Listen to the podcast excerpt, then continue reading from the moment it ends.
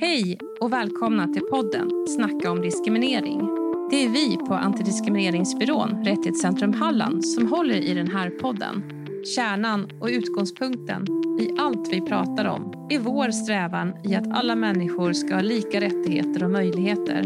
Vi arbetar mot diskriminering och för mänskliga rättigheter. Vi tar upp vad diskrimineringslagen säger och intressanta rättsfall och kopplingar till olika rapporter på området. Och vår förhoppning är att detta ska ge dig nya perspektiv och nyfikenhet för de här frågorna. Idag så ska vi prata om trakasserier och sexuella trakasserier som är en form av diskriminering som omfattas av diskrimineringslagen. Och vi som pratar idag är jag, Katarina Koch, jobbar som jurist här på Rättighetscentrum Halland och min kollega Sofie Johansson som är verksamhetsledare på Rättighetscentrum Halland. Precis, och vi ska prata om sexuella trakasserier och trakasserier. Och det har vi ju redan gjort en gång när det handlade om arbetslivet. Ja. Och vad en arbetsgivare är skyldig att göra för att motverka och förhindra trakasserier. Mm. Men det finns ju fler platser där vi kan gå fredade från att bli trakasserade och sexuellt trakasserade. Och det är ju när vi är elever i skolan. Ja. Vad säger diskrimineringslagen om det, Katarina? Jo, vi har ju redan pratat och berört det här ämnet sexuella trakasserier i ett tidigare avsnitt. Men vi tycker att det finns mycket mer att prata om, eh, så vi gör det nu igen. Vi pratade ju förra gången om vad sexuella trakasserier är enligt lag. Mm. Eh, och Det är viktigt att ha det som grund. Sen också vad som är förebyggande åtgärder har vi också kommit in på lite grann. Ja. Och idag så ska vi prata om skolan och ungdomar, elever. Både kring trakasserier och sexuella trakasserier. Det är ju så att en utbildningsanordnare då är precis som en arbetsgivare skyldig att arbeta just med aktiva åtgärder för att motverka och förhindra diskriminering. Och aktiva åtgärder är ju till för att säkerställa elevers och studenters lika rättigheter och möjligheter inom utbildningsområdet. Och Det gör man ju då genom att arbeta aktivt eh, med normer och strukturer som finns då i vårt samhälle och som faktiskt kan leda till att vissa grupper hamnar utanför. Mm, jätteviktigt. Eh, men om vi bara backar lite. Du sa ju här att vi pratade lite förra gången om vad lagen säger om trakasserier och sexuella trakasserier. Men kanske vi kan upprepa lite om de här formerna om diskriminering. Vad säger vår diskrimineringslag om trakasserier och sexuella trakasserier? Jo, trakasserier innebär att en person utsätts då för ett agerande som kränker den personens värdighet. Och Det kan till exempel vara en homofobisk kommentar. Det kan vara att en lärare eller en elev hånar en annan elev för att den har någon typ av funktionsnedsättning. Det är inte heller okej. Okay. Trakasserierna måste också ha samband med någon av de här sju diskrimineringsgrunderna som vi har i vår diskrimineringslag. Mm. Och Det som är viktigt att poängtera återigen är att trakasserier är ett beteende som är helt oönskat för den som blir utsatt.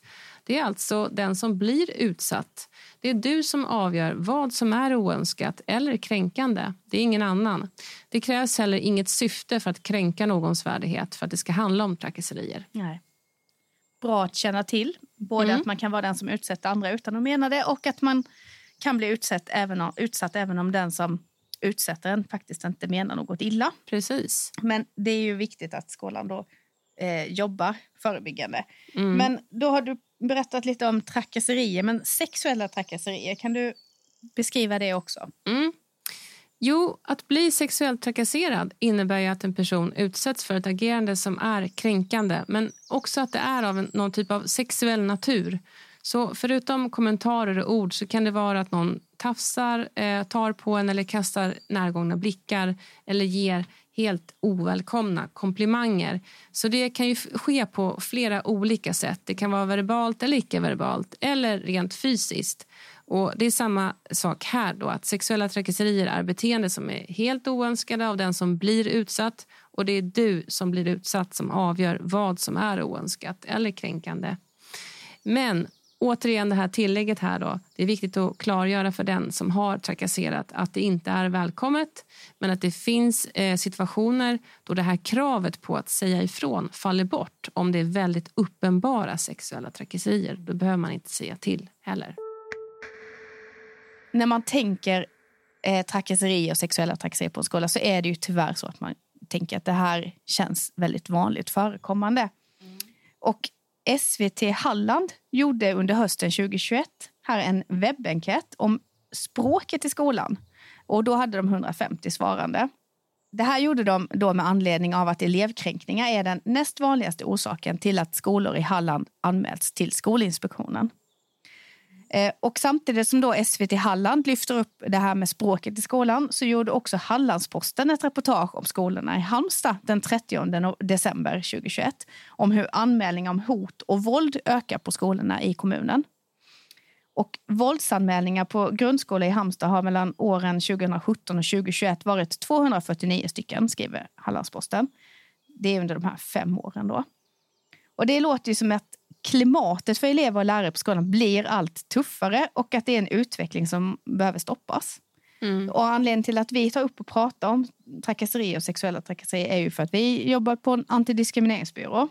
Eh, och i diskrimineringslagen är det, det här då förbjudet med trakasserier och sexuella trakasserier som vi varit inne på. Och medierna i Halland här där vi bor visar upp en bild av ett hårt klimat i skolorna och i vårt län. Det är kränkande språkbruk och det hänger ju samman med vårt arbete då, även om vi främst arbetar mot diskriminering. Mm. Eh, det vill säga inte alla former av kränkningar eller hot eller våld. Ja, det stämmer ju. Vi arbetar ju främst med diskrimineringslagen om jag börjar med det som händer på skolorna kring hot och våld så är det inte någonting som hamnar hos oss. Däremot kan ett förebyggande arbete mot diskriminering även leda till förebyggande arbete mot hot och våld. Och huvudmännen, i flera fall kommunerna, då, är ju ansvariga för att ha riktlinjer och åtgärdsplaner vid hot och våld.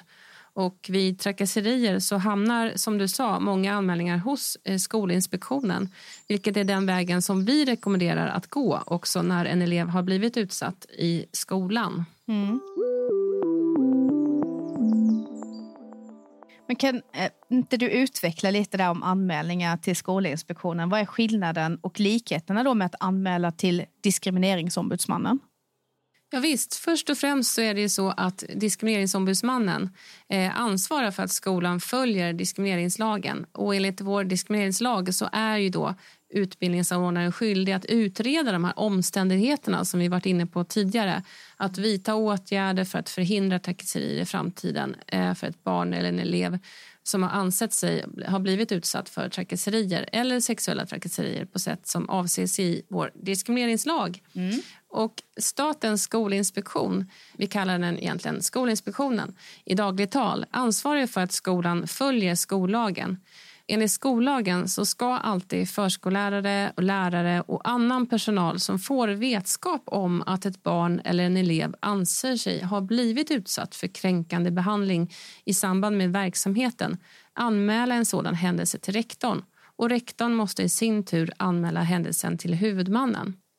Så det är ju frågan om två olika lagar och två olika myndigheter och deras respektive tillsyn över att skolan följer respektive lagstiftning. Men där det gemensamma är och det är ju någonting som man verkligen ska poängtera att det finns ett ansvar hos utbildningsanordnaren att agera, kan man säga. Att anmäla och eller utreda, åtgärda och vidta åtgärder i de fall kränkningar, trakasserier och sexuella trakasserier förekommer på skolan hos elever. För det är det man inte vill ha. Man kan inte vara passiv som utbildningsanordnare. Man måste agera. Och här tänker man ju spontant att det finns två lagar, två olika myndigheter och att det faktiskt borde vara större eh, möjlighet att det inte förekommer när det är så många då, lagar och myndigheter som säger att det inte ska förekomma. Mm. Men ändå så verkar det som att det är, är rätt så vanligt. Faller mellan stolarna ibland kanske. Ja, men, och vi jobbar ju på en antidiskrimineringsbyrå. Det finns ju 18 stycken i landet just nu. Eh, men vad, vad kan en antidiskrimineringsbyrå göra? Ja, är det så att man har blivit utsatt för trakasserier eller sexuella trakasserier eller misstänker att man har blivit det, eh, för det är inte alltid man är, kanske är säker på det heller, så kan man såklart ringa till oss för att se om det ligger till på det sättet. Så vi kan se vad lagen säger och hur man i så fall kan gå vidare i sitt ärende. Och Man kanske har försökt att säga till på skolan men det har inte hänt någonting. Det kan ju vara så också. Vi kan vara ett bollplank och vi kan ge lite råd och vi kan vägleda och stötta. Vi kan ju också säga då att om man har sagt till så är det ju skolan skyldig att faktiskt utreda och åtgärda. Mm, så det är, eh, är ju jätteviktigt. Men det är ju viktigt att arbeta förebyggande för att minska och motverka trakasserier och sexuella trakasserier i skolan. Myndigheten för ungdoms och civilsamhällsfrågor är ju ytterligare en myndighet då, som Mm. också kommer ut med olika rapporter som också är den myndighet som vi eh, får medel av för att eh, bedriva vår verksamhet. Mm. Men 2020 så kommer de ut med en rapport som heter Det blir ju bara värre om jag berättar. Ungas erfarenheter av sexuella trakasserier i utbildningsmiljöer. Mm. Och den här rapporten är då baserad på enkäter och intervjuer med personer som är mellan 14 och 30 år. Och här framkommer det då att väldigt många upplever att de vid en eller flera tillfällen har utsatts för sexuella trakasserier i sin utbildningsmiljö. Och då är det 60 procent av tjejerna och 18 procent av killarna som har, säger sig upplevt detta. Det är Jättehöga siffror. Det är alltså större risk att utsättas för sexuella trakasserier om man är tjej än om man är kille. Ja, eh, i det här fallet visar ju rapporterna att det är på det sättet. Men det finns också vissa andra grupper som är särskilt utsatta för sexuella trakasserier. Och det är hbtq-personer, personer med funktionsnedsättning och personer som med tidigare erfarenhet av sexuellt våld. Exempelvis bland bisexuella kvinnor så har tre av fyra utsatt, utsatts för sexuella trakasserier. Så det här känns ju som ett väldigt utbrett problem. Jag tänker att det är väldigt viktigt att ta hänsyn till att svaren om man utsatts för sexuella trakasserier mellan killar och tjejer också kan se olika ut på grund av våra olika normer. Mm. Det, ju, det är ju inte säkert att eh, killar och tjejer uppfattar att de utsätts för sexuella trakasserier på samma sätt. Nej. Eh, och de normer som råder har säkert också påverkan på hur en person reagerar beroende på kön. Mm. Det är ju intressant att diskutera och också rapporten beskriver en del kring det här. Machokultur i samverkan med heterokultur kan bidra till att killar som utsätts inte vågar säga ifrån och även att killar utsätter tjejer för att de har lärt sig att det är okej. Vi socialiseras in, så här ska man bete sig. Mm. Och tänker inte på att det faktiskt handlar om sexuella trakasserier. Nej. Eh, Jag tänker också att machokulturen och heterokulturen och normer då som tolkar hur, hur tjejer och killar ska vara bidrar till sexuella trakasserier. Det känns viktigt att, att hitta och titta på vilka normer är det som råder på den här skolan för att hjälpa till och påverka det beteendet och arbeta förebyggande. Ja, och begreppet norm kanske vi bör reda ut här. Vad menas eh, när vi använder ordet norm, Sofie? Ja, vi kan säga att norm är en oskriven regel eh, om vad som gäller i den kulturen där du befinner dig. Alltså, norm är ju i sig inget dåligt utan det kan ju skapa en trygghet och vi vet vad som förväntas, hur man ska bete sig. Eh, men det kan ju också ställa till det. Det finns ju också normer om vilken sexuell läggning som man förväntas ha eller vad du ska kunna beroende på ditt kön eller din ålder. Och det är ju först när man bryter mot en norm som man märker att den finns oftast. Då. Och då kan man bli eller känna sig straffad för att man bryter mot normen genom att till exempel inte bli accepterad i gruppen. Ja, men så är det ju. Det är intressant det där du säger att det är först när man bryter mot en norm som man märker att, det, att den finns Ja. Jag satte mig en gång vid fel fikabord eh, när jag var ny på jobbet och jag kan säga att det märktes direkt att jag bröt mot en norm men jag visste inte vilken riktigt. Det blev alldeles tyst eh, och jag fick frågande blickar varför jag hade kommit på idén att sätta mig där. Ja, precis. Det finns normer överallt. Ja, eh, så, och du känner mig lite grann Sofie. Vad tror du jag gjorde nästa dag när det var fikadags? jag satte mig faktiskt vid samma bord igen. Eh, jag kände att jag måste utmana den här oskrivna Ja. regeln lite. Jag var ju ny på jobbet där och jag ville ju lära känna mina nya kollegor. Även fast det inte var från samma avdelning så det gjorde inte mig någonting egentligen. Sån är jag. Eh, språkbruk brukar kunna vara ett tecken på vilka, vilken norm som råder och helt enkelt vilka ord som vi väljer att använda oss utav.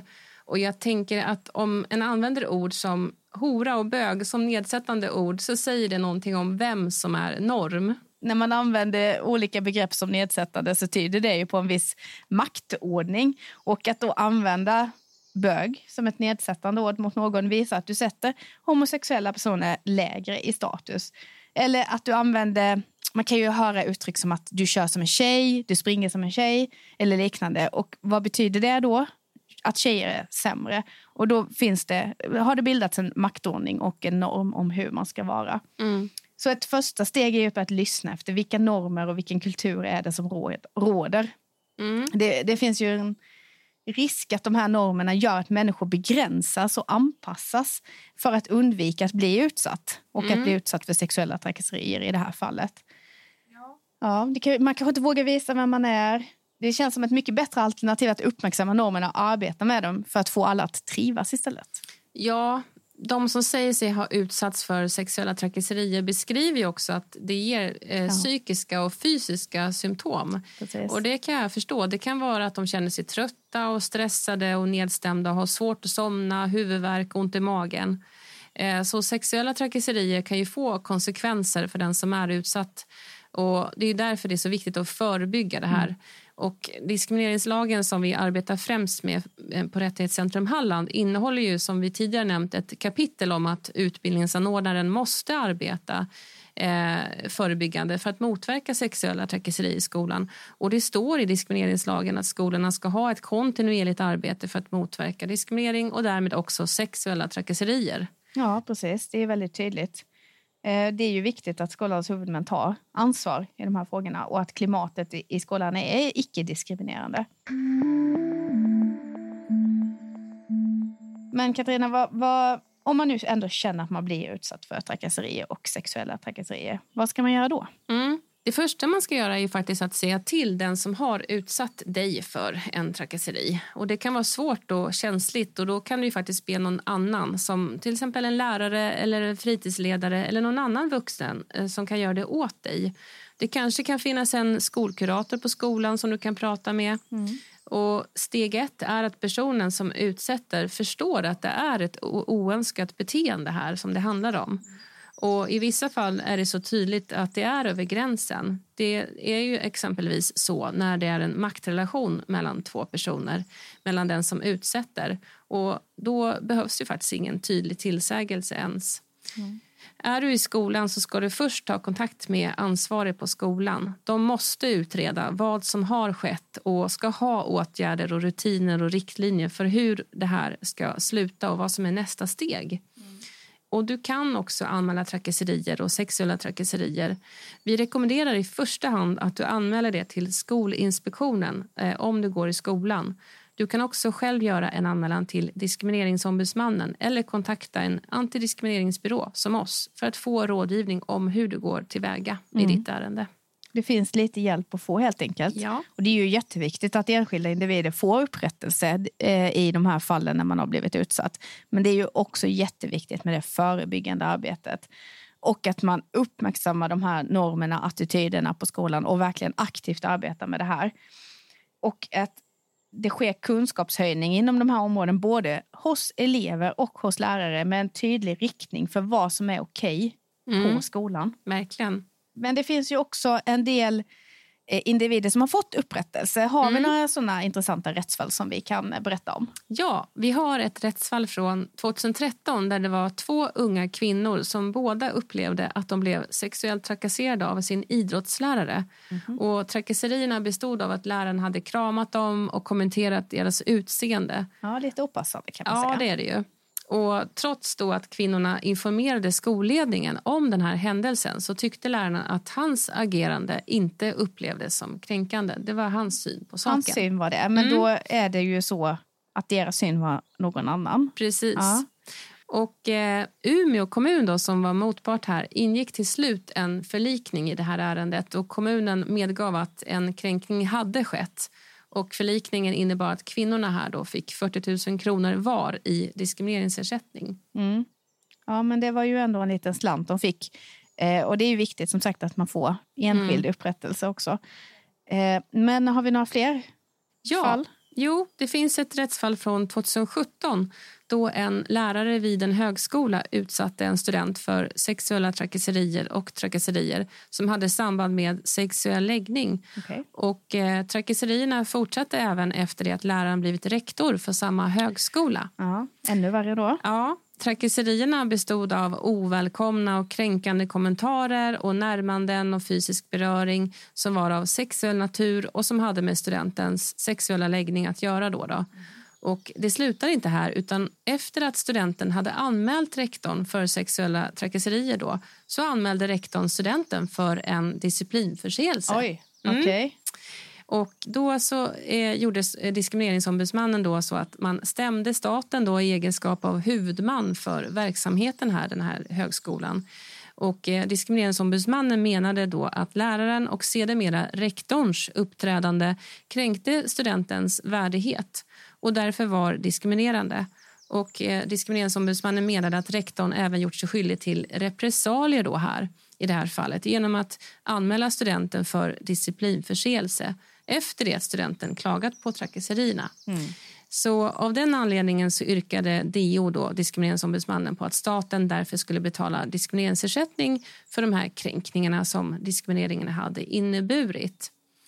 Och 2017 då så kom den här domen från tingsrätten då, som meddelade att universitetet betalar diskrimineringsersättning.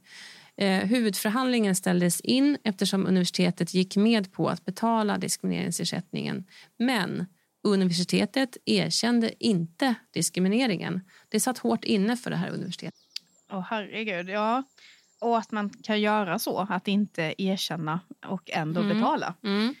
Eh, men eh, också det här med repressalier som du var inne på, att man straffas då för att man har anmält. Det är ju bra att det finns en sån ja. Eh, tydlighet i, lagen att det inte det är, är jättebra. Vad är det egentligen som man vill komma åt med det här arbetet som vi pratar om hela tiden med aktiva åtgärder hos utbildningssamordnare? Vad är, vad är liksom syftet med det här rent konkret? Ja, arbetet med de här aktiva åtgärderna kopplat till studiemiljö ska fokusera på om det i den fysiska och psykosociala arbetsmiljön finns generella risker och hinder utifrån våra diskrimineringsgrunder. Och, eh, den fysiska studiemiljön avser då lokaler, hjälpmedel, utrustning och fysiska faktorer. Den psykosociala miljön omfattar sånt som tilltal, bemötande både i undervisningssammanhang och i sociala aktiviteter och olika former av umgänge. Ja, det låter som att det handlar ju egentligen om att elever ska ha en bra studiemiljö. Och mm. det är ju såklart eh, jätteviktigt att det finns en studiemiljö precis som att vi som arbetar ska ha en bra och sund arbetsmiljö. Ja, så är det ju. Och om ett barn eller en elev anser sig ha blivit utsatt för trakasserier eller sexuella trakasserier på sätt som avses i diskrimineringslagen så gäller ju samma regler för skolpersonalens respektive rektorns anmälningsskyldighet som när det gäller upplevd kränkande behandling. Och detta med stöd av både skollagen och diskrimineringslagen. Så det är tydligt att vi har eh, ett regelverk här som mm. stöttar det här. Precis. Mm. Nu gäller det ju bara att ansvariga utövare då känner till vad lagarna säger och att elever känner till vad som faktiskt inte är okej. Okay. Ja. Det är också jätteviktigt. Ja, det är det. Ja, men det är ju jätteviktigt att, att de som har ledande positioner och lärarna föregår med gott exempel. Det går inte alltid att anta att det är så. Men Nej. här krävs det kontinuerligt arbete mm. för att vi ska vara goda förebilder och för att vi ska ha nolltolerans mot trakasserier och sexuella trakasserier mm. även i skolan. Så är det. Mm. Och med de orden så avslutar väl vi det här samtalet för idag. Det gör vi. Tack och hej. Tack för att ni har lyssnat på podden Snacka om diskriminering. Vill du fördjupa dig ytterligare i de här frågorna så finns det också ett studiecirkelmaterial. Mer om detta går att hitta på vår hemsida www.rättighetscentrumhalland.se. Den här podden gjordes med stöd av Myndigheten för ungdoms och civilsamhällsfrågor, ABF Halland. Tekniker för podden är Joakim Dahlström.